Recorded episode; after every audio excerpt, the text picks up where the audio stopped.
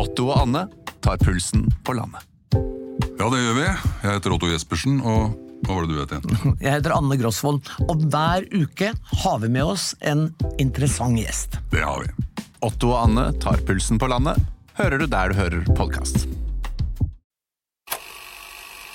Ready? You have the cameras rolling?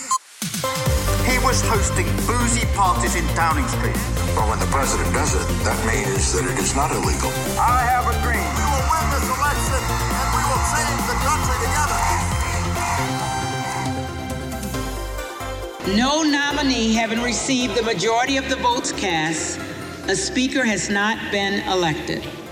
Velkommen. Velkommen. Mitt navn er Eirik Bergesen, Og mitt navn er Sofie Høgestøl. og dette er sesong to, Sesong to!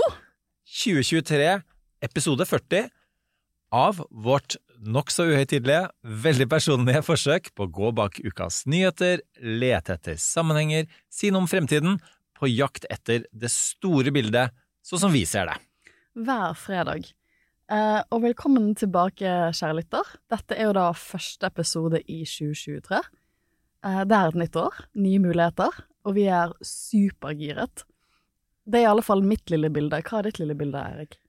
Ja, altså Nå har jeg lyst til å begynne med et uh, godt gammeldags kling.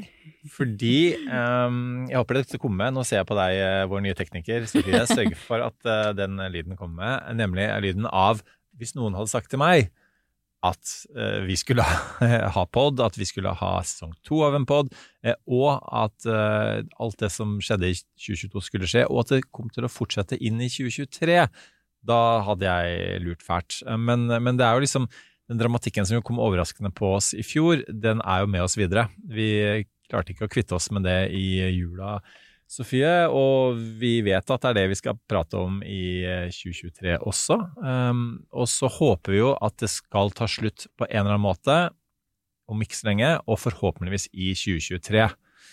Så, og det skal vi jo snakke om eh, på en egen livepod i kveld i Oslo. For de som hører på, så er vi altså på eh, fredag 6. januar. 6. januar, to år siden stormingen av Kongressen. We're gonna make uh, January 6 great again. I alle fall i Oslo. Ja, i Oslo. og vi har jo invitert en Ikke i USA! Ikke i USA. Der, det, eh, er det, det, det er det motsatte som jeg har hørt med seg, og det er det skal vi snakke om i denne Det denne skal vi snakke om i denne episoden. Uh, men jo, altså, vi gleder oss helt vilt til hva som skal skje i kveld. Det er jo sykt mange påmeldte. Vi har utrolig mange kule gjester. Vi har også nå fått bekreftet næringsminister Jan Christian Vestre, som eh, vi gleder oss helt vilt til å snakke med i kveld.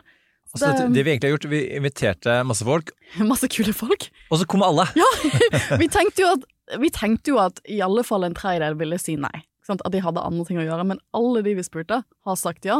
Så det, det store problemet for Eirik og meg i kveld er at vi må holde tiden på en eller annen måte. For dette er bare utrolig spennende folk. Bare holde tiden, vi må holde kjeft. Vi må holde kjeft. Altså, vi må faktisk være uendelig mye teitere enn vi er her. eh, fordi at nå er det ikke bare vi som skal snakke, det er eh, Hvor mange ble det sammen til slutt? Ti ish? Ti ish, ja. Eh, To timer? maktfolk, folk med ordentlig makt, eh, som, som skal prate. Og vi skal eh, lytte til de, og vi skal få de til å prate. Og vi skal, eh, vi skal egentlig få den samtalen som er i Det var jo NHOs årskonferanse i går, altså torsdag. Eh, Og dette er jo tilknytta NHOs årskonferanse. Vi gjør dette i samarbeid med NHO. Um, og, og vi skal egentlig ha den praten som er i baren Mm. etter middagen. Ja. Er den praten vi skal ha. Uh, fordi jeg har, jeg har bare vært der én gang, jeg. Um, da var jeg altså sammen med han um, Svarthumor-Josef, uh, som hadde skrev manus sammen med det året da han var programleder. eh, Litt før deg, Sofie. Eh, og da, Det var veldig interessant å sitte i baren og høre eh, på hva folk sa. Jeg, jeg, skal, jeg skal ta én anekdote. og det var, det var, Jeg skal ikke si hvem det var, men det var en politiker som sa eh, at eh, var, hadde drukket veldig, veldig, veldig mye for mye. Som sa til meg, og en annen politiker som, som tilfeldigvis sto i baren, at eh, jeg burde kanskje ikke ta en drink til. Um, og hvorfor ikke? Jo, fordi jeg skal jo i Politisk kvarter i morgen. um, og du verden skal du det. Og så, så sa hun andre, nå avslørte jeg var en hun, andre politikeren, at uh, som var på opposisjonen, sa en det, det må du bare gjøre. Ja, men jeg er litt full. Nei, det merker jeg ikke i det hele tatt. Nei. Og så um, Hun sa det ikke på den måten, hun snøvlet alt dette her. Men, um, så hun, så uh, skrudde jeg på Politisk kvarter. Hun tok den drinken. Jeg skrudde på Politisk kvarter dagen etter og hørte på. Eh, det gikk ikke så bra. Det var sånn, altså, var sånn forsinkelse når den personen er i et, et annen by eller et annet land, liksom. Det var sånn derre tre-fire sekunders forsinkelse på, på praten. Så Vi skal ikke ha noen forsinkelser i kveld, for det har vi ikke tid til. Nei. Men vi skal ha den, den barpraten som er kjempegøy, og blir kjempegøy. Um, men det er ikke det vi skal snakke om i dag.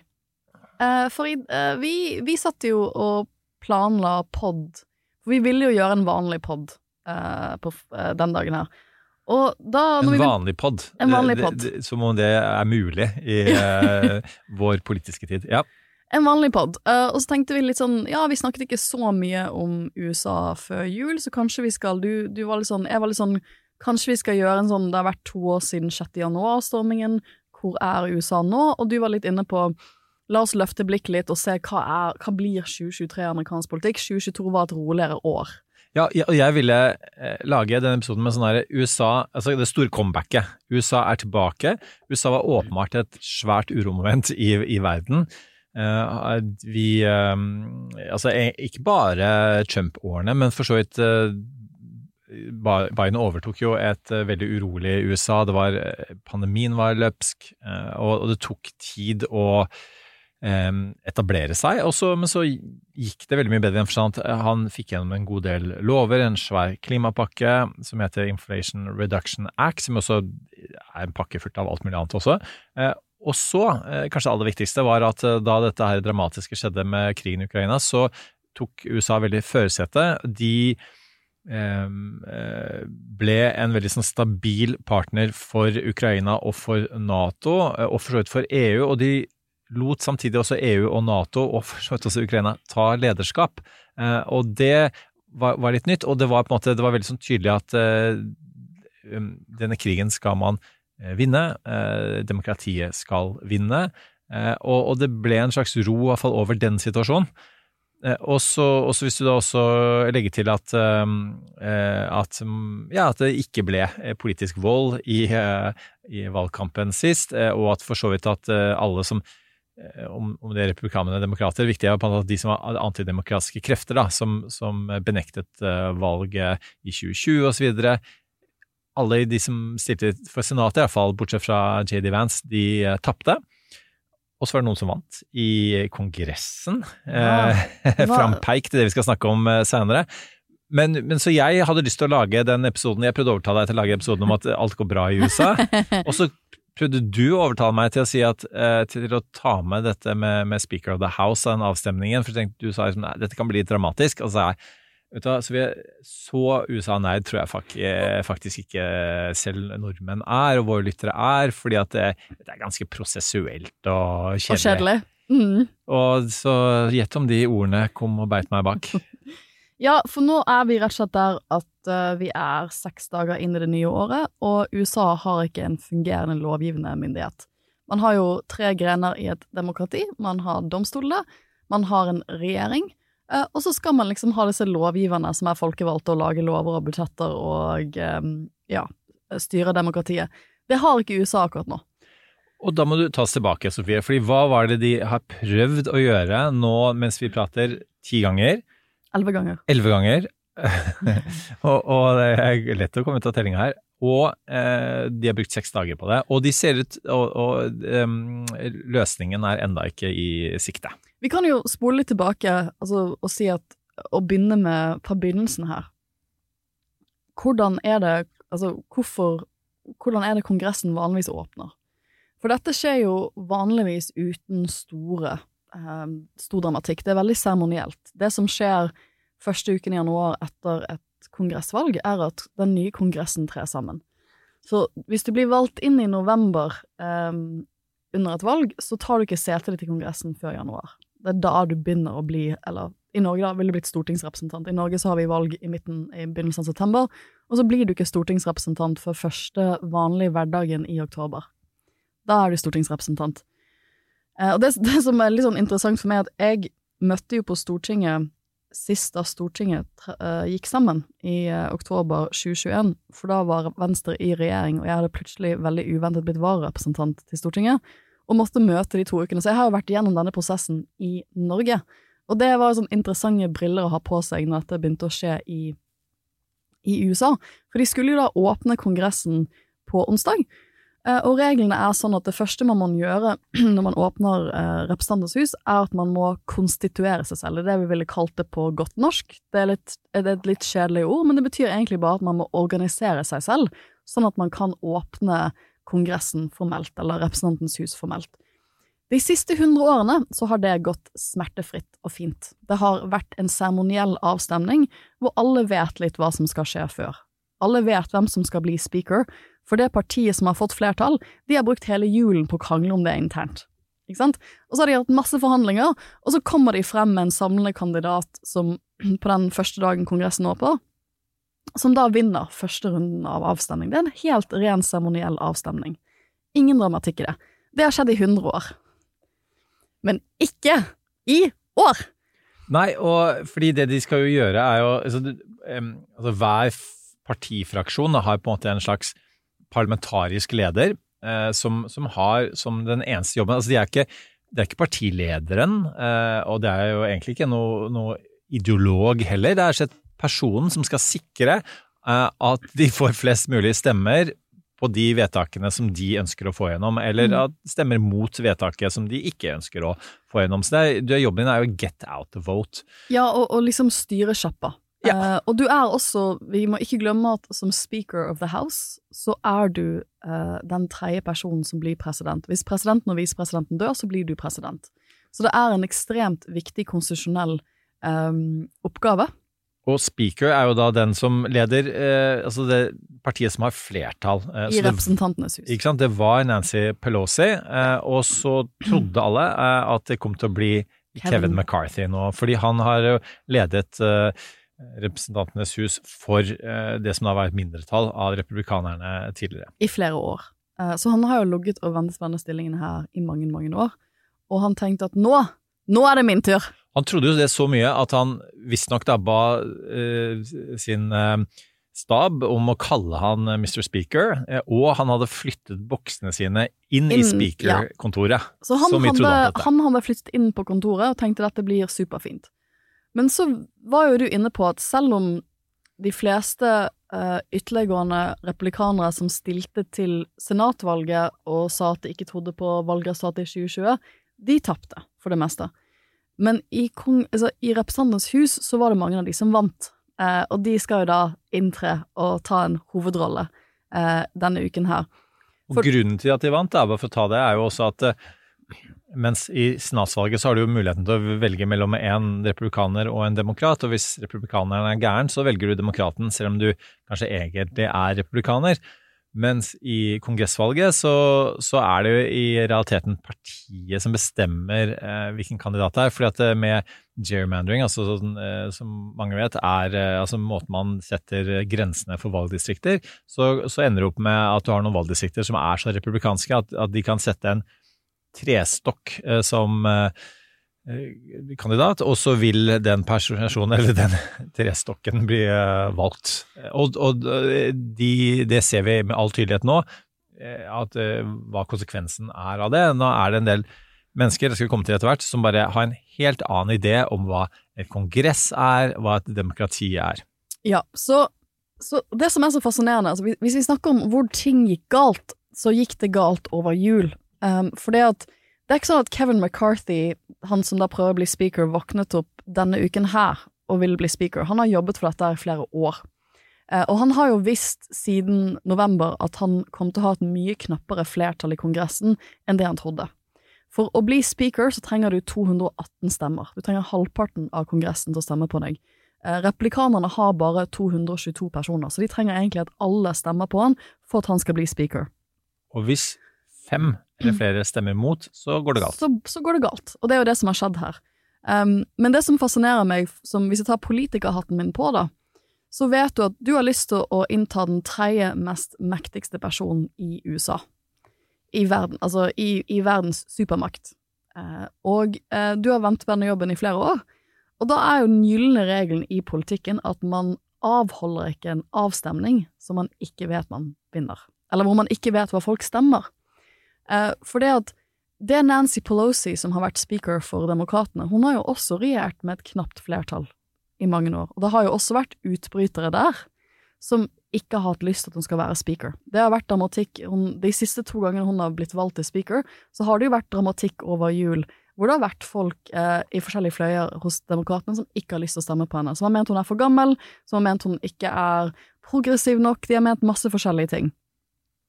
Forskjellen er at Nancy Pelosi kan telle stemmer.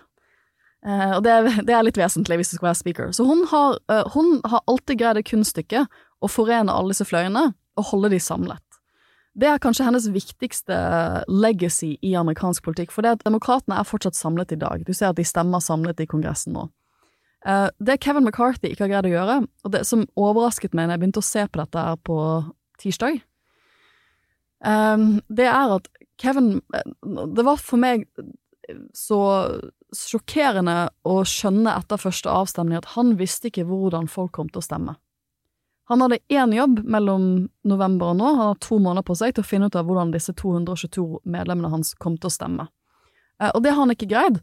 Så det var en overraskelse for Kevin McCarthy etter første runde med avstemning på tirsdag, når eh, hele 19 personer ikke stemte på han. Det var nok mange på forhånd, for når jeg ringte det var sånn, jeg tror at det blir en greie, så var jo diskusjonen, det var fire-fem Never Kevins, som de kaller seg selv, eller som noen har begynt å kalle det, altså folk som aldri har lyst til å stemme på Kevin McCarthy, som ikke ville stemme på han. Men det jeg tror også, det er litt, jeg tror også pre, dette er også litt av grunnen til at pressen ble tatt på sengen. For jeg tror de har tenkt at ja, ja, Kevin McCarthy sier at han skal bli speaker, eh, han har brukt masse tid på å forhandle med disse folkene, og han, han, han virker som han tror at det kommer til å skje. Og jeg tror de også tenkte at ja, kanskje det blir to avstemninger, da, at kanskje det blir én avstemning hvor disse fire-fem personene får lov til å bruse litt med fjærene sine og stemme mot han, Men så stemmer de for han i andre runde, og så blir han speaker, og så er dette over på tirsdag. Men han har ikke telt stemmene sine. Så han skjønner ikke at det er, det er ikke, vi, vi snakker ikke om fire, fem, seks personer som ikke vil ha han som speaker, vi snakker om 19. Og det er jo helt krise. Og når han ikke hadde kartlagt det, og skjønt det på forhånd, så satt man der på tirsdag med buksene nede, i en stasjon hvor man ikke visste hva Og da, han, da mast han kontroll. For han visste ikke om de kom til å stemme på han neste runde eller runden etter det. Og fasiten etter fire dager med dette er at man hadde hatt elleve avstemninger, og han har tapt hver eneste avstemning så langt. Det er vel Einstein som sier at uh, definisjonen av galskap det er å gjøre det samme om igjen og om igjen og forvente et annet resultat. Ja, Og så er det jo akkurat det som eh, har skjedd her, og Kevin McCarthy har jo på en måte lurt uh, media, som du sier, og egentlig seg selv, ved å si nesten hver gang at nå nå kommer det. nå kommer det, Nå fordi har vi at han det. har en deal som ligger der, han har fått en forståelse og så. Og dette med å Altså, du er jo parlamentariker, så jeg utfordrer deg og til liksom å sette deg litt inn i den rollen, eh, og, og, og se på dette gjennom det perspektivet. Fordi eh, altså, jeg, jeg har fulgt nok med på partipolitikk til å vite eksempel at 151 Hvorfor er det et viktig tall eh, i norsk politikk, Sofie? Nå er du tilbake i Alle mot alle, da er det under pressure-runden, nå kommer det røyk, eh, nå er det Jeg vet ikke, hvorfor er det viktig? 151? Eh, Hvis du har 151 stemmer på et landsmøte, så vinner du det landsmøtet. Hvilket parti snakker vi om da? Arbeiderpartiet. Ja. Ikke mitt parti. Vi, er, pleier ikke å være like mange personer på et, på et landsmøte, men Eh, Som, som en viss trønder en gang sa, du trenger bare 151 stemmer. Jeg ikke si hvem, hvilken trønder det er, men han er fortsatt i politikken, viser det seg. Um, han er årets trønder, eller noe sånt noe. um, men, men, men det som sjokk... Altså, jeg tenkte jo litt tilbake til da For det var et stort sjokk for meg. Det som skjedde var at Jeg var jo fjerdekandidat for Oslo Venstre, som vanligvis betyr at du er langt unna Stortinget. Og jeg tenkte aldri at jeg skulle møte på Stortinget. Men du så hadde ikke telt stemmen? Jeg hadde ikke telt stemmene, men så vi, vi lå jo altså Venstre lå jo på 2% eh, i midten av sommeren, valgkampen 2021. Det var jo ingen det, var jo ingen, det så jo ut som vi bare ville få én representant i Oslo, ikke to. Og så eh, plutselig får vi ikke bare to, vi får utjevningsmandat i Oslo, og da blir jeg førstevare til Stortinget. Og det var ikke før kvelden den hver, altså når valgstemmene begynte å tikke, at jeg skjønte at jeg må kanskje møte på Det var en journalist fra Aftenposten som var sånn 'Nå må du møte på Stortinget'. Da, da kastet jeg nesten Da var jeg, da var jeg, da var jeg helt sånn da hadde jeg egentlig bare to-tre uker på å omstille meg før det skjedde. Så jeg, jeg, jeg syns det er ganske interessant, for noen av disse 20 personene som ikke har lyst til å stemme på Kevin McCarthy, de er ganske nye i politikken. Og jeg husker hvor, hvor nervøs jeg var den første uken, og det første du gjør når Stortinget trer sammen i Norge Det er litt forskjellig fra USA, men det er at man Um, det er ikke så forskjellig i den forstand at uh, alle valgdistriktene kommer med en, en redegjørelse for stemmene sine, som, de stort, som den fungerende stortingspresidenten fra forrige periode. Uh, og så må alle de som sitter i salen som nyvalgte, si ja når de gjør sånn navneopprop. Og jeg var veldig redd for å drite meg ut der og si ja på feil tidspunkt. Var, det, var liksom, det, var min store bekymring den første dagen. Uh, jeg hadde jo aldri turt den første dagen på Stortinget å gå på talerstolen og være sånn Jeg stemmer ikke på på, på stortingspresidenten. Det var Kristin Hansen? Ja. Det hadde du gjort lurt ja, i å si jeg, jeg, at du ikke gjorde. Jeg har stemt på Eva Kristin Hansen som stortingspresident. Er det noen pendlerboligsaker der kanskje vi burde se litt nærmere på først? Kunne du fint ha sagt Men, jeg, men jeg, kunne ikke, jeg, kunne ikke, ha gått opp på talerstolen første dagen. For den første dagen så leser man bare opp navnene, man tar liksom fullmakten, altså disse valgresultatene, midlertidige valgresultatene, og så bruker man den første uken på Stortinget til å godkjenne valget, egentlig. Og så møtes man på lørdagen igjen, og da, da det første man ordentlig man gjør, er å stemme over stortingspresidentskapet. For da, da konstituerer Stortinget seg selv. Uh, så jeg har stemt på Eva Kristin Hansen som stortingspresident. Det var ingen uh, reelle motkandidater da. Alle, jeg tror alle det var, det var, noen som stemte blankt, men de aller fleste gjorde jo det. Jeg skjønner liksom ikke hvor, da, liksom, hvor de En del av disse folkene får liksom den uh, attituden at nei, nå skal vi ødelegge hele he, vi, skal, vi, skal, vi, skal, ødelegge hele systemet.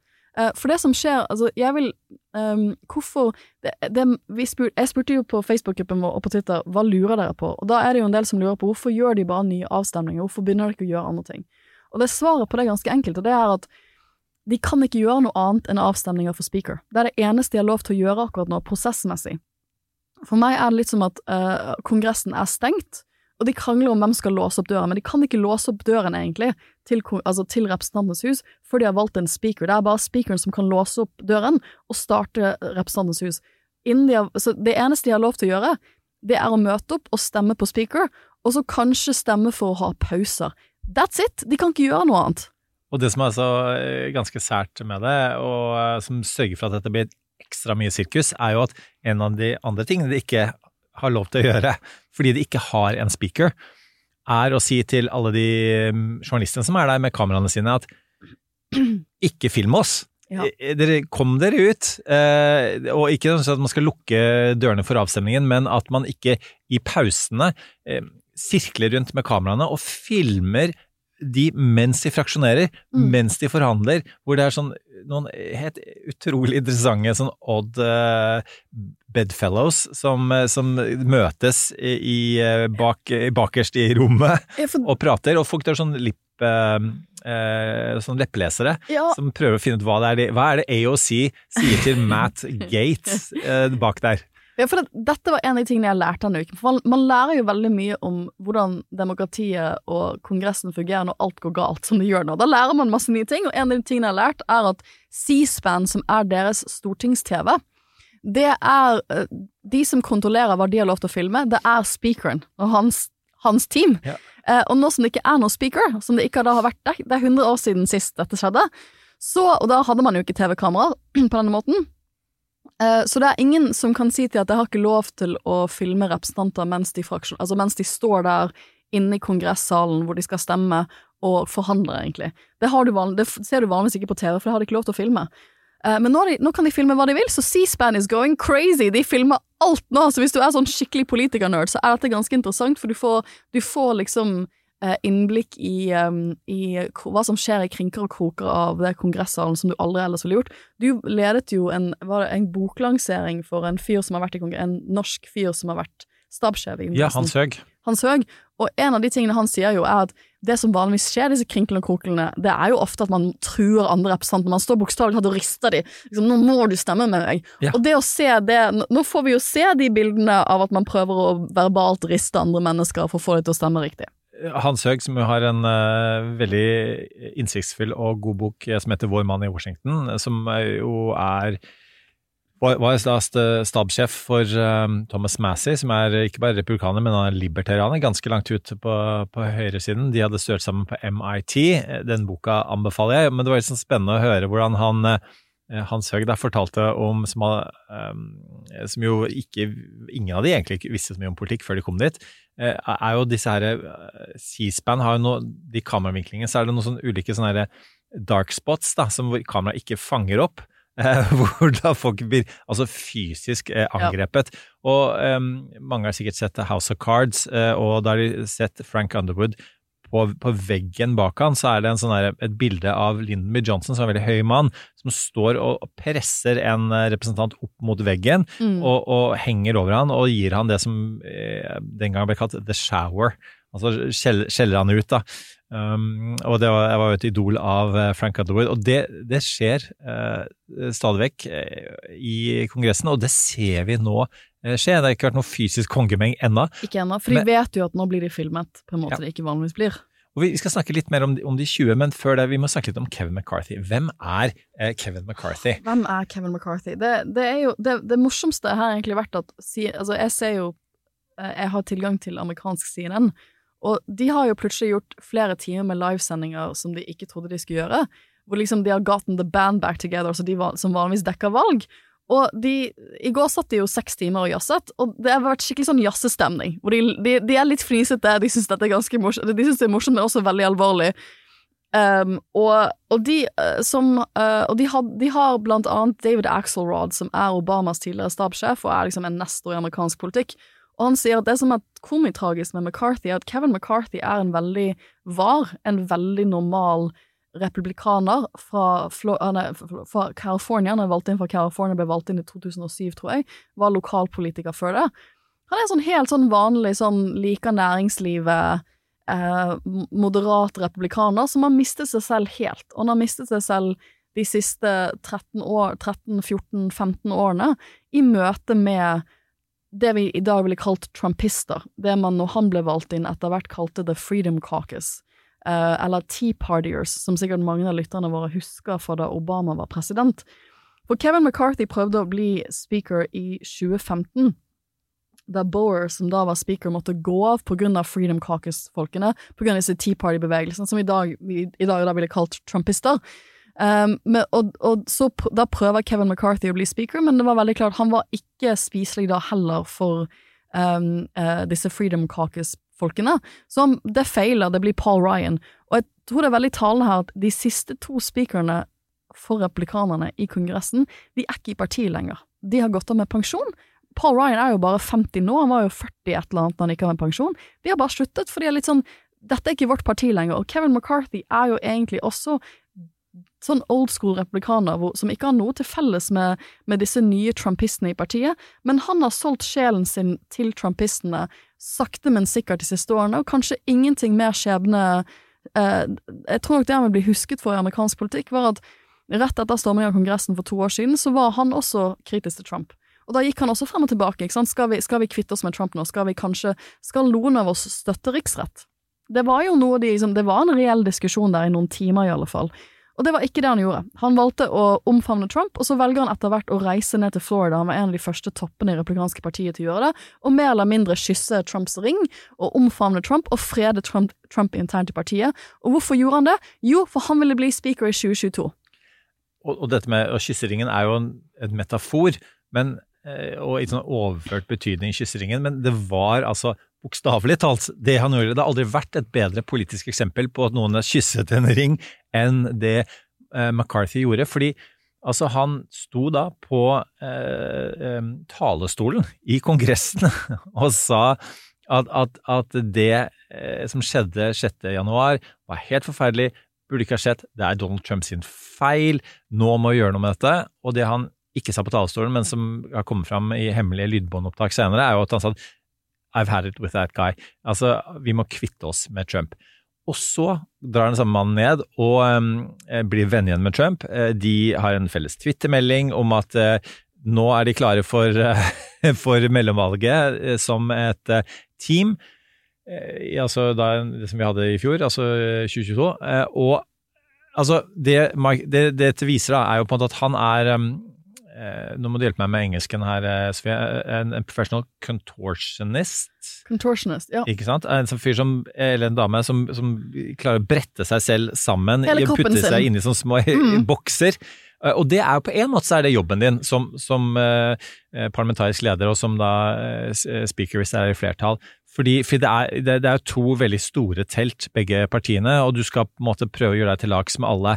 Men så, og så er det Du kan si om Pelosi, da, som var den som gikk av, som også var veldig upopulær, eh, ikke minst hos republikanerne fordi hun var god i jobben sin, mm. og hos demokratene fordi igjen, hun var god i jobben sin, hun fikk folk til å stemme. She ran a tight ship. Og du ser jo hvorfor hun gjorde det nå, for hvis ikke blir det kaos! Det er akkurat det, og så klarte hun allikevel å stå på noen prinsipper. Dette er jo samme dama som dro til Taiwan eh, mot en del eh, folks råd og utfordret Kina, så det var ikke at hun ikke hadde prinsipper.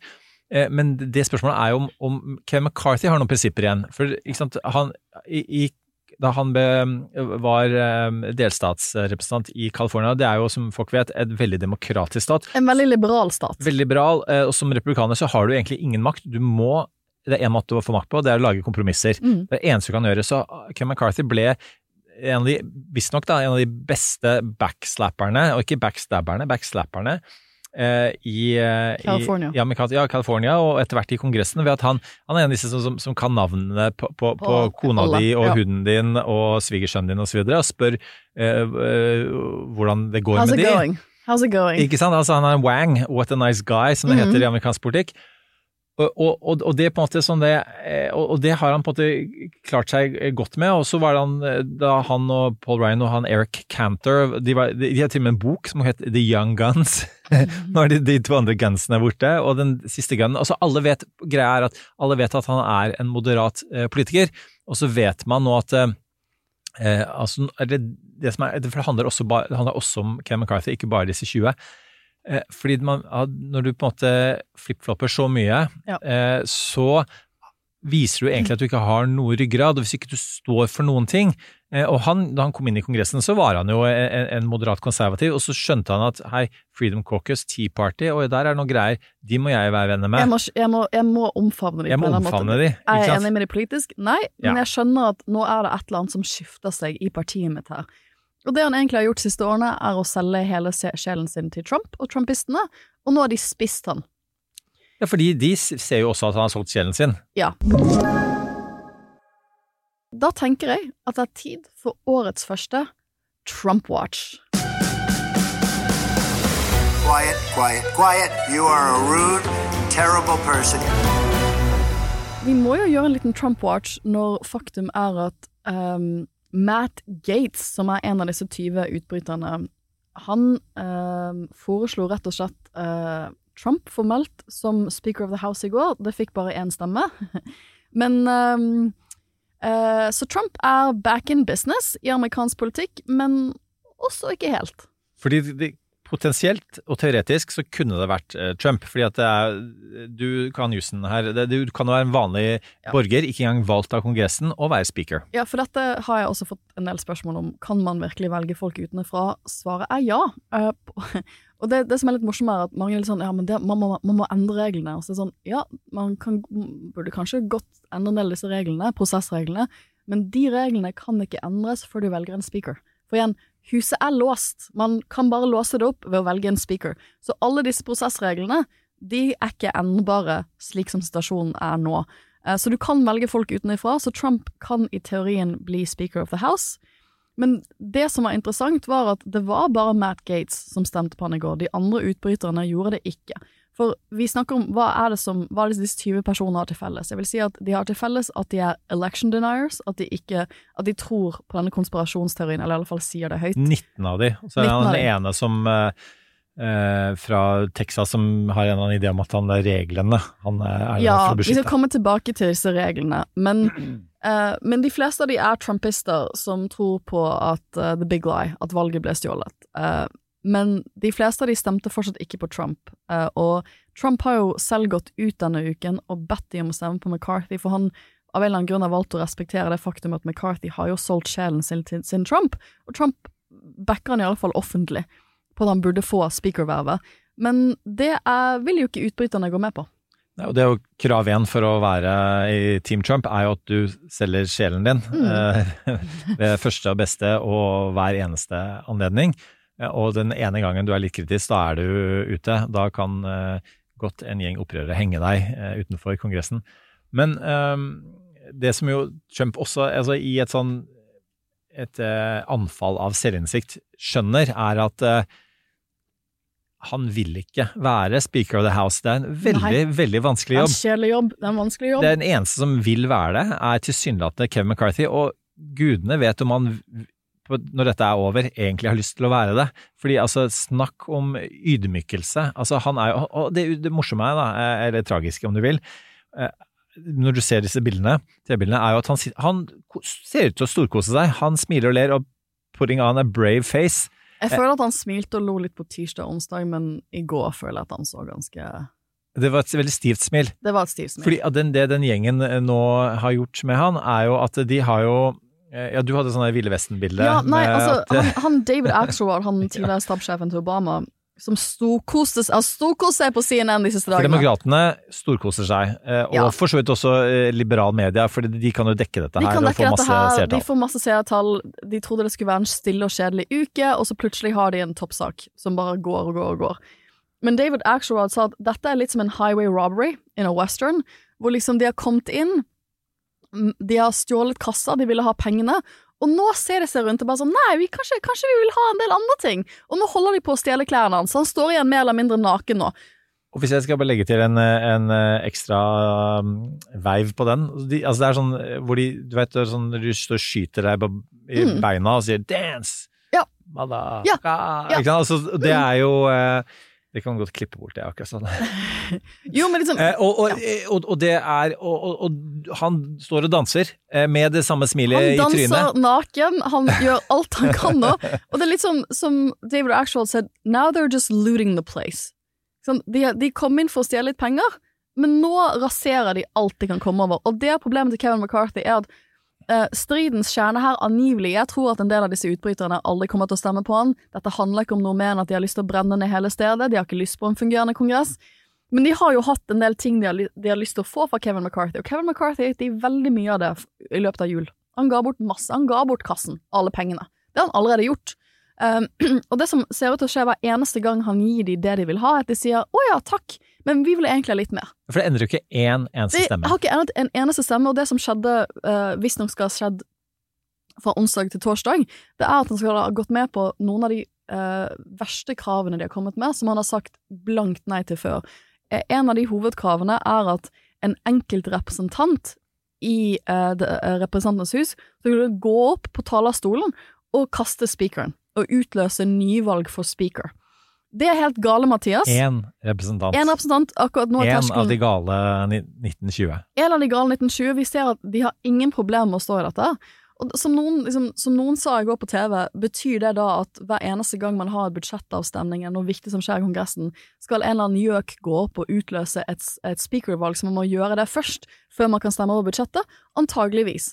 For det, det er egentlig litt det Det er nok noen av disse 20 som mener dette med regelendringene, for det de har lyst på, er ganske store endringer på måten eh, Kongressen drives. De mener at Nancy Pelosi var mer eller mindre en diktator, som hindret, som, som tok ganske mye makt fra vanlige uh, representanter. Og de vil ha den makten tilbake igjen. Eller de vil ha mer makt enn de noensinne har hatt. De vil egentlig svekkes De vil ikke ha en speaker, egentlig. De, de, de vil ikke at Kevin McCarthy skal ha så mye makt. De vil ha makten selv. Uh, og, det, og derfor vil de ha en del regelendringer. Men jeg, jeg kan jo være enig om at, uh, om at Nancy Pelosi var ganske diktatorlignende til tider, men det var hun jo fordi at hun hadde også et knapt flertall, og for å få noe gjort, så måtte hun ha jerngrep om representantene sine. Fordi tross alt dette er en lovgivende forsamling, hvis oppgave er å Lage lover. lage lover. Eh, Og, og det, selv med en Pelosi så har de jo knapt klart det. Eh, Og, det har vært eh, stillstand i amerikanske kongressen. Det er et av de store problemene i amerikansk politikk. Og hvis, hvis hadde Hvis de får igjen disse tingene her, eh, så ender det opp Det, det de ønsker seg, er jo egentlig at um, par, altså et parlament, da, som Kongressen er, skal egentlig minne om Twitter. Hvor de skal bare kunne gå opp og bare melde et Gå opp på talerstolen og bare sånn 'Jeg har lyst til å bygge denne broen, så jeg foreslår penger til det'. Altså, Og, og som aldri kommer til å skje, men, men da får de eh, si, sine de får 15 seg. sekunder med berømmelse.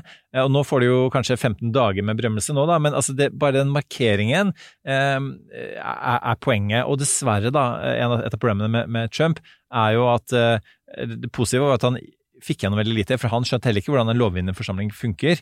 Eh, Men det, det negative var jo at eh, han ikke gjorde et reelt forsøk på å, dri å gjøre politikk, da, det ble et politisk teater, og det, og det er jo det man legger opp til nå. Og så er det til og med noen som, som Jim Jordan i Ohio sier at eh, ja, men vi kommer ikke til å få hjem noe uansett, for at demokratene har majoriteten i senatet, de kommer til å stemme ned ting. Mm. Eh, med andre ord så, så, så ønsker er de å lage point. politisk Ja. teater, og det politiske teater som disse her ønsker seg kan, altså Marjorie Taylor Greene, QAnon-gærningen fra Georgia, selv hun er jo ikke blant disse her. Nei. Så ille er det. Eh, ikke sant? Så, sånn at det, det de ønsker seg, er, de ønsker seg det rene kaos. De ønsker egentlig bare å brenne ned systemet. eh, Fordi, og, og så eh, skal det komme en sterk person, en, en Trump for eksempel i 2024, og, og ta, ta styringa. Så de ønsker seg ikke demokrati som vi kjenner det i dag. Og det er det som er problemet. Det er det som gjør at du aldri klarer å kompromisse med disse folkene. Ja, og de mener at demokrati er at de skal få lov til å ta alle internkampene sine offentlig foran alle andre på gulvet i Kongressen. For litt av det dette handler om, er at hvis de har forslag for eksempel, som blir nedstemt i den republikanske gruppen for en, en budsjettendring, eksempel, så har de lyst til at det skal være lettere for dem å foreslå det, sånn at alle må ta stilling til det i hele huset. Og det er jo da over 400 mennesker. Eh, Og det hadde vært veldig lite effektivt hvis, sånt, eh, hvis man skulle operere sånn. Selv, selv på Stortinget så er det jo begrensninger i hva jeg kan gjøre når jeg møter. Jeg kan, jeg kan foreslå en del ting, men det må være på begynnelsen av et stortingsmøte. Um, i, det, I det møtet begynner. Jeg kan ikke komme midt på dagen og være sånn Hold up, people! Jeg har noe jeg har lyst til å melde, og jeg har lyst til å snakke om en helt annen sak enn den voteringen som pågår nå. For det er et system og regler for dette. Hvis ikke, så, så fungerer ikke en lovgivende forsamling. De ønsker å ta, kunne ta mye flere av disse um, standpunktene sine inn i salen, sånn de kan, de kan eh, egentlig, som du sier, bare markere seg der. Og, og da trenere enhver forsøk på å få noe som helst gjort uh, i, i praksis. Og dette er jo, det er jo den hva, liksom, hva er det? Og det, det er jo problemet, det har vært problemet til Kevin McCarthy, som jeg følte var veldig synlig allerede på tirsdag, at han har gitt så mye allerede, han har ikke så mye mer å gi, nå har han gitt enda mer av de tingene han sa han aldri skulle gi. Og som en del folk påpekte i går, eh, han har jo da lært de at dette funker, ikke sant? Jeg sa, du, jeg sa at jeg har noen røde linjer som jeg aldri kommer til å Du kommer aldri til å få det. Og så har du gitt det til de, og så stemmer de fortsatt ikke på deg. That's total humiliation. Da har de virkelig tatt alle klærne dine. Da, da, da, da, er de, da ransaker de deg. Da har du ingen makt igjen. Um, og da er jo spørsmålet, hva kan han gi de i løpet av neste dagene for at de skal stemme på han? Uh, de snakker nå, uh, snakken nå torsdag kveld var at han har kommet til en eller annen slags deal som de holder på å skriftliggjøre med noen av utbryterne. Ikke alle, kanskje ti av de snakker om kanskje ti av de. Men hvis man kan telle her, så er det ikke nok å bare få ti av de. Han må få 16 stykker for å bli valgt til speaker. Så da er man liksom kommet Og det liker at, eh, som du var inne på tidligere, Eirik, han har jo sagt i flere dager nei, nei, nei, men han, han holder på å deale, og det kommer til å stemme, og ingen av stemmene har endret seg, så jeg tror ikke Jeg tror ikke et sekund på dette før jeg ser at ti personer stemmer forskjellig i dag. Og det mest oppsiktsvekkende eh, utviklingen, ref, at, eh, at ikke en stemme har endret seg, er jo at Donald Trump eh, altså anbefalte folk å stemme på McCarthy, og selv da så endret ikke en eneste stemme seg. Og det sier jo to ting. For det første at makten til Donald Trump eh, er ikke så sterk som man hadde trodd. Og to, at altså, dette er folk som er mer Trump enn Trump. Og hvis du, altså, dette er sånn, du tenker tilbake til da uh, Karl Marx måtte ut og si at hei, jeg er ikke marxist, fordi de folk tok ideologien hans og, um, og til, til det ekstreme.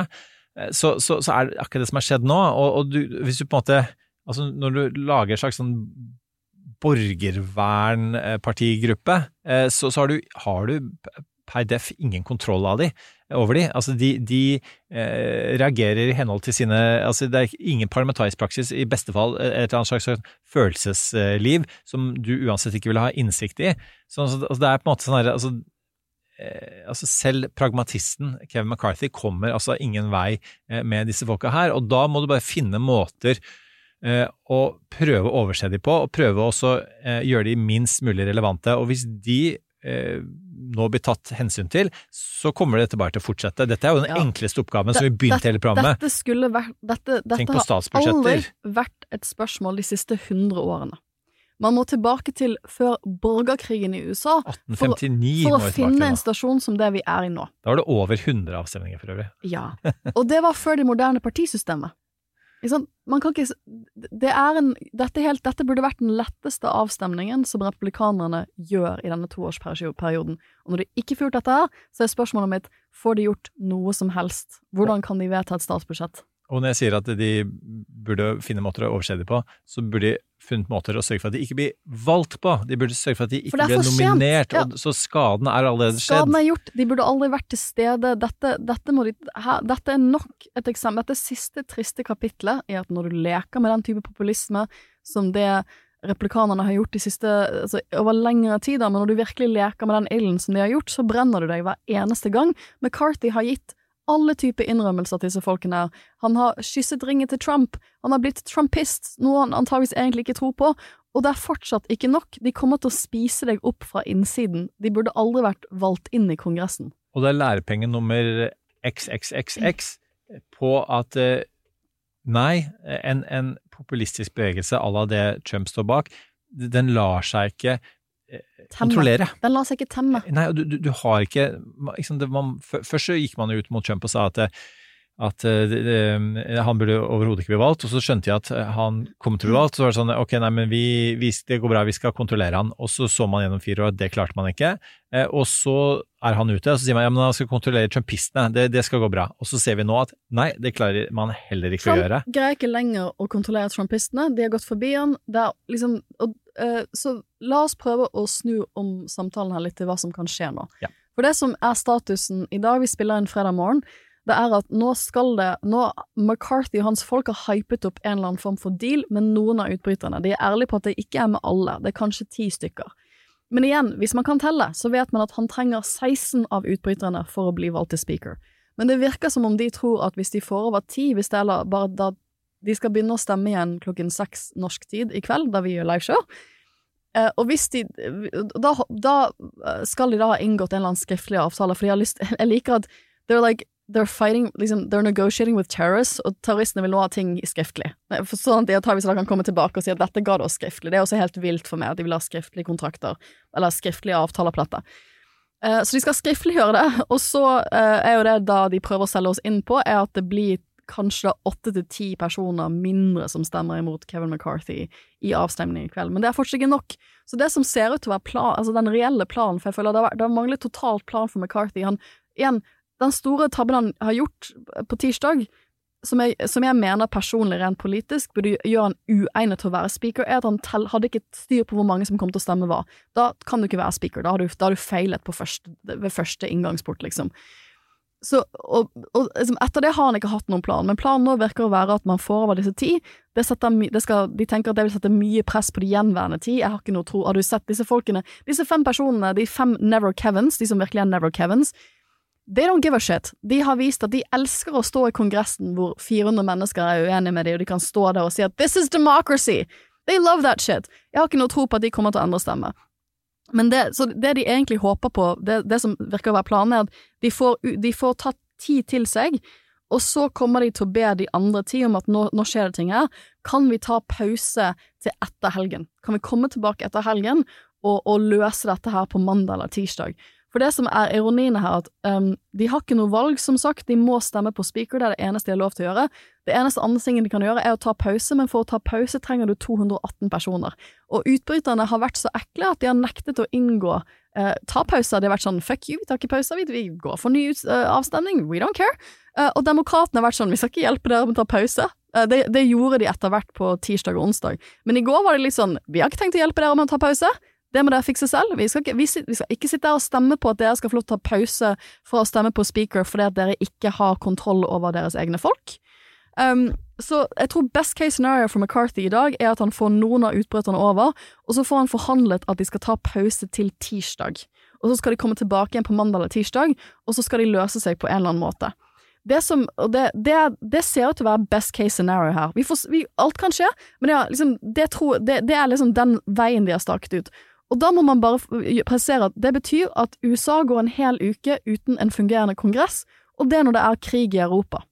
Ja, fordi La oss snakke litt om konsekvensene av dette. Hvis vi bare legger til at eh, altså, de, en kompromisskandidat kan jo være Steve Scalise fra Louisiana, som er nummer to etter uh, McCarthy. Det kan være uh, uh, hun Stefanik, Elise Stefanik fra New York. Som også en sånn type var moderat republikaner som bare har New York Times hadde en fantastisk lang portrettartikkel over jul om Hun er sånn litt eldre enn meg, det er fascinerende å se henne om på egen alder, som har sånn Han bare spist alle prinsippene sine. Gått full on Magga Mm. eh, av, av pragmatiske årsaker, så sånn sett ville hun passe veldig godt. Og jeg, jeg tror at egentlig hun ville vært den beste kompromisskandidaten, så jeg ville putta penga mine der. På henne. Ja. Um, men altså, det, altså konsekvensen av dette er, som du sier, eh, Sofia, at de, de har ikke en fungerende lovgivende forsamling, og det er krig i verden. Og det, det, det potensielt, da, hvis vi skal prøve å, å spekulere litt, så, er det jo, så kunne jo Kina, hvis Kina hadde invadert Taiwan nå, hva i all verdens land og rike skulle USA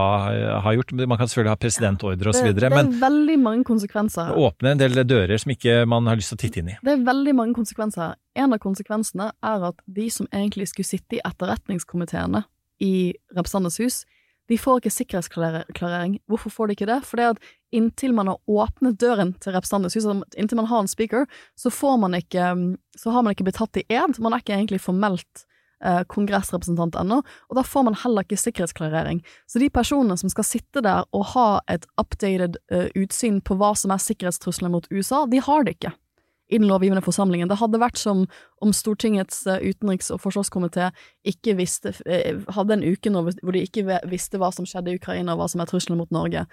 Det kommer sikkert ikke til å skje noe, men rent prinsipielt fra et parti som pleide å være lov og orden-partiet, så er det rett frem forkastelig at de setter landet sitt i en så prekær situasjon. Også fordi at, la oss si, uh, dette kommer jo ikke til å skje, men la oss si at uh, på en eller annen måte så stryker Biden og Harris med. Da er det en eller annen random dude i senatet som blir president. Ikke sant? Du har ikke en arverekke lenger for hvem som skal ta over makten i landet. Um, la oss si at du må vedta noe eh, Det skjer en eller annen krise i USA i morgen, og må vedta en, en krisepakke økonomisk. Det, ha, det kan man ikke. Det, det liksom, listen på ting man ikke kan gjøre her, er lang, og hver eneste dag dette trekker ut, så svekker det uh, anseelsen til USA internasjonalt, men det svekker også Kongressen som institusjon. Så kan vi for så legge til at uh, ikke bare som, som vi snakket om at uh, demokratene popper popkorn, men uh, de, de lager jo masse politisk reklame, eller så iallfall samler klipp som vil bli politisk reklame ved presidentvalget. De fundraiser på bakgrunn av dette her. Og Biden som sier, gikk ut og sa at dette er um, ydmykende.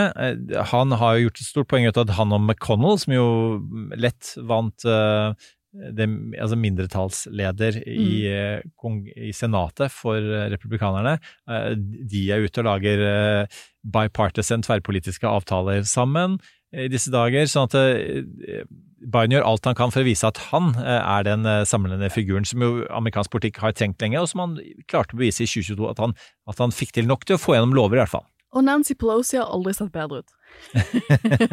For hun er jo en omstridt figur, hun har vært massivt kritisert av republikanerne. Eh, Men eh, hun sitter nok et eller annet sted på kontoret sitt og ler litt nå. Hun har ikke gjort det offentlig, som det syns jeg hun skal ha honnør for. Hun har ikke vært ute og gjort narr av de offentlig, eller sagt nedlatende ting. Um, men hun, dette, hun hadde også, man må huske at hun hadde også til tider et veldig knapt flertall som speaker. Hun hadde også disse, disse AOC-gruppen, The Squad, som heller ikke var noe fan av henne, som også kom med masse trusler, for så vidt. Eh, og det, det, det, det amerikanske journalister sier, det som er forskjellen mellom henne og McCarthy, er at hun var veldig flink til å ta enkeltmøter med alle. And then wear them down. Ha hyggelige kaffemøter, og på et eller annet tidspunkt så vrir hun armen din rundt og sier at 'og så skal du stemme på meg'. Og så gjorde de det etter hvert. McCarthy, og det er helt sjokkerende for meg, McCarthy har ikke møtt med en del av disse utbryterne én til én. Det er derfor han ikke visste hva de skulle stemme, for han har, ikke, han har møtt med de i grupper. Og det store, det, hvis dette skulle vært en TV-serie, det, liksom det store, det, hans store tabbe på tirsdag, da, rett før avstemningen, og da tror jeg han var lei, men det var at han hadde et gruppemøte med hele gruppen sin. Rett før de skulle stemme, så var han litt sånn fuck you, det er min tur til å være speaker. Han sa, skal visstnok ha sagt mer eller mindre it's my turn, dere skal stemme på meg på speaker. Eh, og, det, og da var en del Og disse 20 personene her, de, de var litt sånn Ja, nei, det skal vi ikke. Uh, så han, han, han har jo ikke gjort uh, Jeg tror ikke de hadde stemt på det uansett, men han har jo ikke gjort de tingene han må gjøre for å få det til å stemme på han. apropos hvis dette hadde vært en TV-serie, jeg sitter jo her med min nyanskaffede. Bartlett for President, som jo eh, alle lyttere bør vite eh, er West Wings president. Eh, Og hvis dette hadde vært en episode av West Wing, og det så jeg en analyse, det var vel Vox som hadde det, eh, om at eh, det er jo en, eh, en uavhengig som heter Justin Amash. I, eh, han er libertarianer, eh, som er i eh, fra Michigan, er det vel? Eh, At han er på en type sånn uavhengig, da. Så at hva man lager en slags kompromisskandidat, eh, som da blir uh, Speaker of the House, og det kunne vært han. Og så skriver de sånn But this is only likely in West Wing fanfiction. Ja. Så det jo, i disse dager er det jo mye West Wing fanfiction. Altså man ønsker seg for det er jo like forstått illusorisk at amerikansk politikk skulle være sånn som West Wing, hvor det er en president som er professor i økonomi og nobelprisvinner. Det er veldig lenge siden eh, noen tid. turte å til og med fantasere om dette. Men hvis vi går inn for landing her, Ja, for eh, Sofie sånn, nå har vi svart på ganske mange av lytternes spørsmål. Vi har snakket om hvilken forhandlingskort de radikale har. Mm. Jeg tenker det, det viktigste er they don't give a shit. Det er et sterkt forhandlingskort. They don't care. Um, hva vil de egentlig ha? Vi har snakket litt om det. Um, Matt Gates, kan Trump bli speaker? Det har vi også snakket litt om. Um, hva som er veien videre, altså, hva replikanerne tror er veien videre, har vi snakket om. Jeg tenker vi må runde av med å nevne demokratene, for mange av de spørsmålene vi har fått både på Twitter og på Facebook, går på er det noen muligheter her for at enten moderate replikanere stemmer for Jeffries, som er, eh, som er eh, demokratenes kandidat til å bli speaker, um, eller eh, at eh, noen av demokratene kanskje neste uke da er litt sånn kan, vi, vi, må, vi, vi må ha en lovgivende forsamling i dette landet, så vi kommer til å hjelpe dere med å forvalte en speaker. Hva tror du? Ja, altså eh, Det å hjelpe republikanerne det er eh, vanskelig på ulike måter. Én, at eh, demokratene fryder seg over dette, som sagt. De eh, har mange sånn klare fordeler av det. Eh, og, og de, hvis McCarthy blir valgt, så er han såpass skadeskutt at det vil uansett være til hjelp for dem. Eh, og så er det siste at hvis de lager da eh, kompromiss da med eh, McCarthy som gjør at de får en del fordeler, ja, de Mhm. får eh, for, for eksempel eh, lederjobber i ulike komiteer osv., så, videre, så vil jo det også skade McCarthy internt, Ja. på en måte som gjør at han det bare har lagd avtaler med demokratene, tror jeg ikke kommer til å ta seg ut, ikke bare oss i 20, men hos veldig mange flere. Ja, og det, det var litt det som ble sagt på CNN i går, at McCarthy har visst sagt at han vil ikke ha hjelp for, eh, demokratene, og det er fordi at han vet at it's political suicide Ja. for han å gjøre det. Han sliter jo fordi han ikke får disse ytterliggående konservative kreftene med seg på laget. Hvis han inngår et kompromiss, og uh, Matt Gates, som er en av disse forferdelige liksom, Han er jo bare google han, er det, det er masse greier der. Matt Gates Tidligere etterforsket for, For- eh, menneskehandel. Ja, menneskehandel. Eh, men kongressrepresentant. Um, Kongressens Andrew Tate? Ja, noe sånt noe. Eh, det er mye. Han han har vært, var på Fox News i går kveld og sa at hvis, hvis de inngår et kompromiss med Hvis de moderate republikanerne inngår et kompromiss med demokratene, så sier han opp, opp setet sitt i Representantenes hus. Og hvis de gjør det, så blir det nye valg. Det så, sånn, og da kan det godt være at det setet blir demokratisk, og da har de ikke flertall lenger. Så det er også sånn, for Hvis fire personer fra republikanerne slutter, så kan det fort være at det er demokratene som får tilbake flertallet i løpet av denne perioden. Så det er en veldig reell trussel. Og da er vi inne på eh, det jeg vil lyst til å lande dette her med. Eh, det er eh, den personen som faktisk, han dukka faktisk opp på, på skjermen i bakgrunnen der. Virret eh, venneløst. Alle er enten sånn står og krangler med hverandre, eller står og eh, koser seg med hverandre. Eh, og så hadde én person som surra rundt aleine, George Santos. Altså Ja. republikaneren Som har løyet om alt. som har løyet om alt. Altså det er ikke ett sant ord. Den, Religionen sin, utdannelsen sin, eh, det han har jobbet med. Al- al- al- altså, at, at besteforeldrene hadde flyktet fra holocaust, eh, og, altså, og den favoritten min er den der med at han, at han er jødisk, og det- beskrevet beskrev han med at han er Jewish, altså i ish. Ish. Ju, Sånn- ish. Sånn cirka, cirka. Eh, så han har, han har løyet om alt. Eh, og, han, han, eh, og han har selv Han har foreløpig da eh, ingen venner tilsynelatende, men han, er, han har én venn, og det er Kevin McCarthy, fordi Kevin McCarthy trenger stemmen hans. Og apropos nyvalg, eh, som hvis Matt Gates trekker seg, så vil, eh, hvis de hiver ut eh, George Santos, noe de selvfølgelig burde gjøre, så Ja, For ulikt Norge så kan man hive ut, så kan man hive ut representanter, og Ja. ulikt Norge så kan man trekke seg. Så Det er jo det han burde gjort, ja, men det er massivt press på han å trekke utrolig seg. at han ikke gjorde det. Jeg tror det er, og det eneste grunnen til han ikke gjør det, er nok at Kevin McCarthy har ringt han og sagt at jeg, liksom, For hvis han det, Ja. Han vant veldig knapt i, i, i distrikt, valgdistriktet hans i New York. Hvis det går til nyvalg, så er det klart at demokratene vinner etter en Ja. sånn fadese. Uh, og da liksom uh, Han uh, Mac Altså, liksom, McCarthy trenger alle de varme kroppene eh, som kan stemme for han. Altså, så om de har løyet om alt, så er ikke det så viktig lenger, for han trenger de på gulvet. Og det, og, det, og det er jo på en måte konklusjonen om det republikanske partiet. altså Dette er gravstøtten deres. altså Det er jo at du velger en person som er en komplett bedrageri i ett og alt, eh, fordi du har hatt en president gjennom fire år som har gjort det greit å lyve. Det er ikke så farlig, og du kan egentlig lyve om det meste. Eh, bare du si, eh, stemmer mot abort, for konservative høyesterettsdommere, hva det nå skal være. Og, det er der vi er. Så sånn det er altså Konklusjonen på det hele er to ord George Santos. Ja, altså, jeg skjønner, altså, jeg skjønner at mange reagerer på demokratene kanskje ikke har strukket ut mer enn hånd de siste dagene. Eh, og det, jeg kan forstå det, men politikerne i meg kan også forstå demokratene. For det er litt sånn, du har én jobb denne uken, republikanere, og det er dere fikk flertallet. Dere fikk flertallet etter en valgkamp hvor dere har sagt masse stygt om oss, og, og hvordan vi har forvaltet vår flertall, og ikke minst Nancy Pelosi. Uh, og dere kan ikke engang velge en speaker.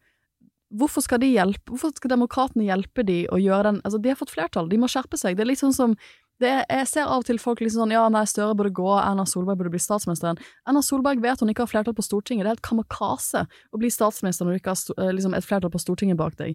Det er litt det samme at uh, det er de som har flertallet, de må greie å forvalte det på en eller annen måte. Hvis de velger en moderat person, så risikerer du at den personen ikke kan fungere, fordi det ikke er noe reelt flertall bak de heller.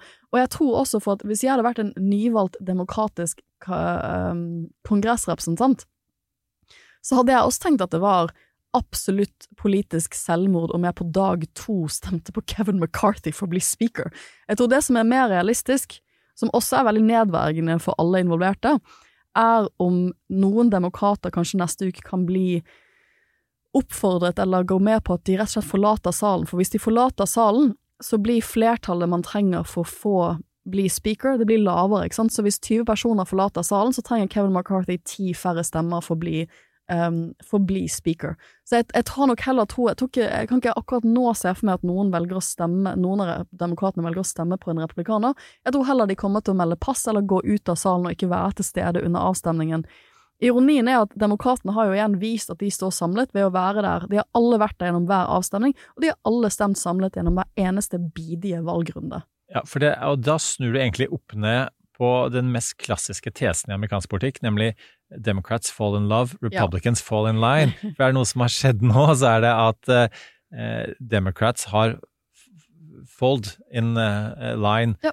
em, gang, altså elleve ganger, da. Eh, og og, Og de, er de har vist, og det, det, det er også det poenget deres, de ønsker å bevise hvor samstemte de er. Og vi vet som sagt, AOC, The Squad, det er, det er masse uenighet, det er ikke det, og, og masse kritikk av, av egentlig hele hvordan Kongressen og amerikansk politikk funker, men de skjønner den ene tingen, at hvis de helt skal ha et visst håp om å få gjennom politikk, så må de faktisk forholde seg til Noen eh, spilleregler. type- noen spilleregler, rett og slett. spilleregler. Ja. Og eh, liksom, jeg har lyst til å avslutte på dette punktet her, um, for nå har vi, jeg tror nå har vi snakket oss gjennom ganske mye av det vi fikk spørsmål om.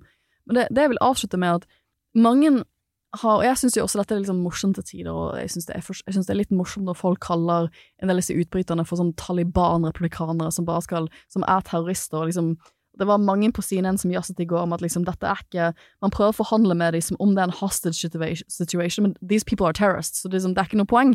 Og ja, det er morsomt å kalle de politiske terrorismer, terrorister, men det er ikke så morsomt, for det var politisk terror i USA for to år siden på denne dagen, eh, når en hel gjeng med radikale, eh, men, eh, mer eller mindre radikale mennesker stormet Kongressen for å stoppe eh, godkjenningen av et demokratisk valg. Det er politisk terror. Det disse personene gjør her, det er at de fortsetter den arven etter de eh, Som sagt, det som for det meste binder de sammen, er at de er valgkonspirasjonsteoretikere, at de, liksom, de har allerede brutt alle de demokratiske spillereglene ved å ikke anerkjenne valgresultatet i 2020. Uh, og det, det er liksom, det er, jeg syns ikke det er morsomt å kalle de politiske terrorister, for det, er to år siden storming av Kongressen. Det er heller ikke så morsomt at man eh, ikke ser at det er ekstremt smaksløs å, uh, å foreslå Donald Trump på en dag som denne til å være Speaker of the House, gitt hva som skjedde for to år siden. Så jeg, jeg føler det du ser nå, For det som skjedde etter stormingen av Kongressen, det var at Republicans fell in line behind McCarthy. Han greide å selge inn på at vi må stå samlet, hvis ikke vinner vi ikke valget i 2022. Nå vant de valget i 2022, men nå faller det fra hverandre. Nå ser vi de virkelige etterdønningene. Vi ser hele syklusen etter stormingen av Kongressen, og det er ikke pent. Fordi det som skjer, eh, har skjedd i Republikansk alltid, er at de har holdt seg for nesa. De har stemt på en, en Trump, hva det skal være, så lenge de har et, eh, fått et flertall som de kan få gjennom politikken sin. Eh, og så har de jo de nå eh, made their bed and they have to sleep in it. And they have to sleep in it, Men det må også det amerikanske folket. og Det er jo noen amerikanere som har stemt på dette og syns det er veldig gøy at Kongressen ikke funker, for de syns det er også veldig fint. Men, eh, men, det er klart at dette, hvis dette er en smakebit på de neste to årene i amerikansk politikk, så er kaos ikke fornavnet på hva det blir. Med det, Med det? så er et frampeik til veldig mange andre episoder som kommer. og så fikk vi ikke snakket om eh, Det vet jeg du hadde elsket, en mulig Boris Johnson-comeback. Jeg vet du også ville elsket å snakke om boka Israel. Israel, men Spare. Altså, Spare. altså snakk om altså, Snakk om sosietetssladder sosietetssladder, ja. med, med Harry, som skal ha blitt slått ned av broren William. Og det er ikke måte på Til og med jeg ble nesten litt interessert i monarkistoffet uh, basert på den boklanseringen. Eh, Men eh, vi, eh, Vi vi, må må, takke for oss selv. Vi, Eh, men vi må først gjøre ja. årets første uh, avkobling og popkobling.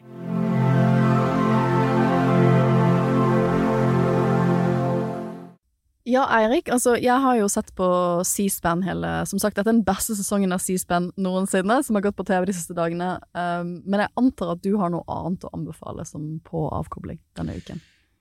Jeg har uh, en ja, ganske politisk. Det er um, Altså, da Trump ble president, så var det en person jeg savnet mer enn noensinne, nemlig John Stewart, eh, som eh, leder i eh, The Daily Show. Nå har jo Trevor Noah erstattet ham på en, på en underholdende måte, men som sørafrikaner har han ikke den dype innsikten i amerikansk politikk. Nå har Trevor Noah akkurat gått av, for å se hvem som erstatter han.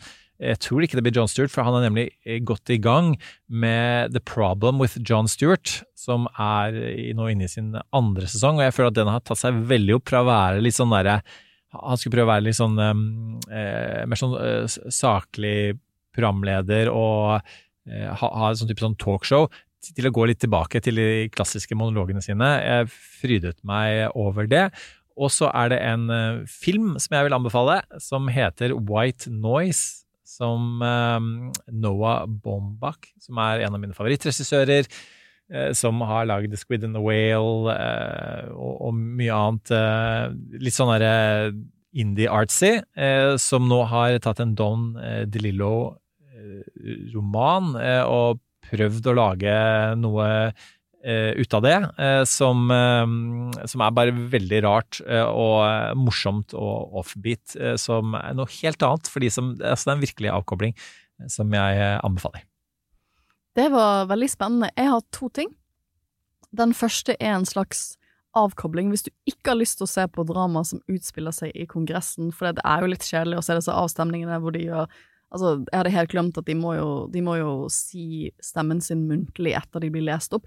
Uh, ukens helt er for øvrig hun clericen som har gjort alle disse avstemningene. For en dame. Hun fikk eh, stående applaus, mer eller mindre, av eh, tilsynelatende alle. Alle, ikke sant? Hun har bare kommet inn, hun er jo ikke folkevalgt. Uh, hun jobber i administrasjonen i Kongressen, og så har hun egentlig fungert som speaker i tre dager. Og jeg tenker at den dama der hadde jeg stemt på.